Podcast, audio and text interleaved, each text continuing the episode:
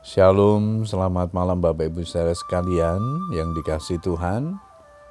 Kita bersyukur sepanjang hari ini Tuhan sudah menyertai kehidupan kita bersama dengan keluarga. Malam hari ini kita diberi kesempatan untuk kembali berdoa.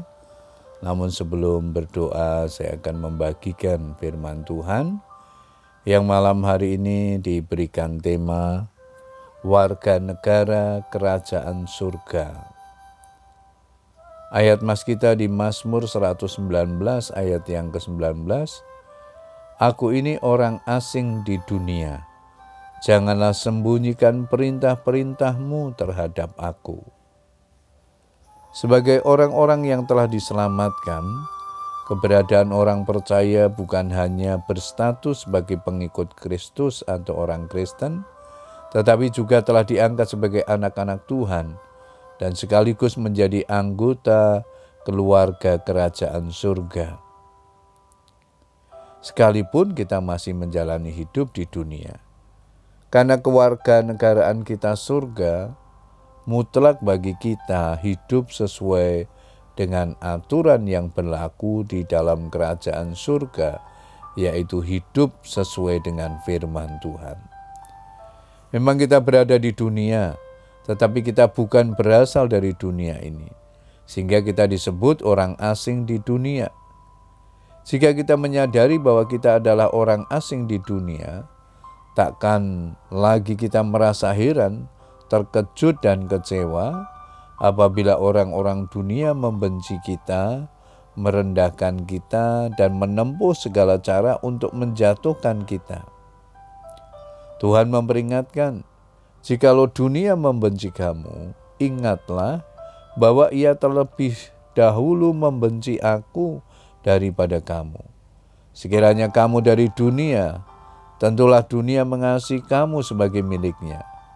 Tetapi karena kamu bukan dari dunia, melainkan aku telah memilih kamu dari dunia, sebab itulah dunia membenci kamu. Yohanes 15, 18, 19 Mengapa Tuhan menginginkan hal ini terjadi? Karena Tuhan mempunyai tujuan atas setiap orang percaya, yaitu sebagai orang asing di dunia ini, untuk membuat perbedaan. Hidup tidak serupa dengan dunia. Ketika orang-orang dunia hidup menurut kehendak sendiri, memuaskan nafsu keinginannya, kedagingannya, kita justru dituntut untuk hidup menurut kehendak Tuhan.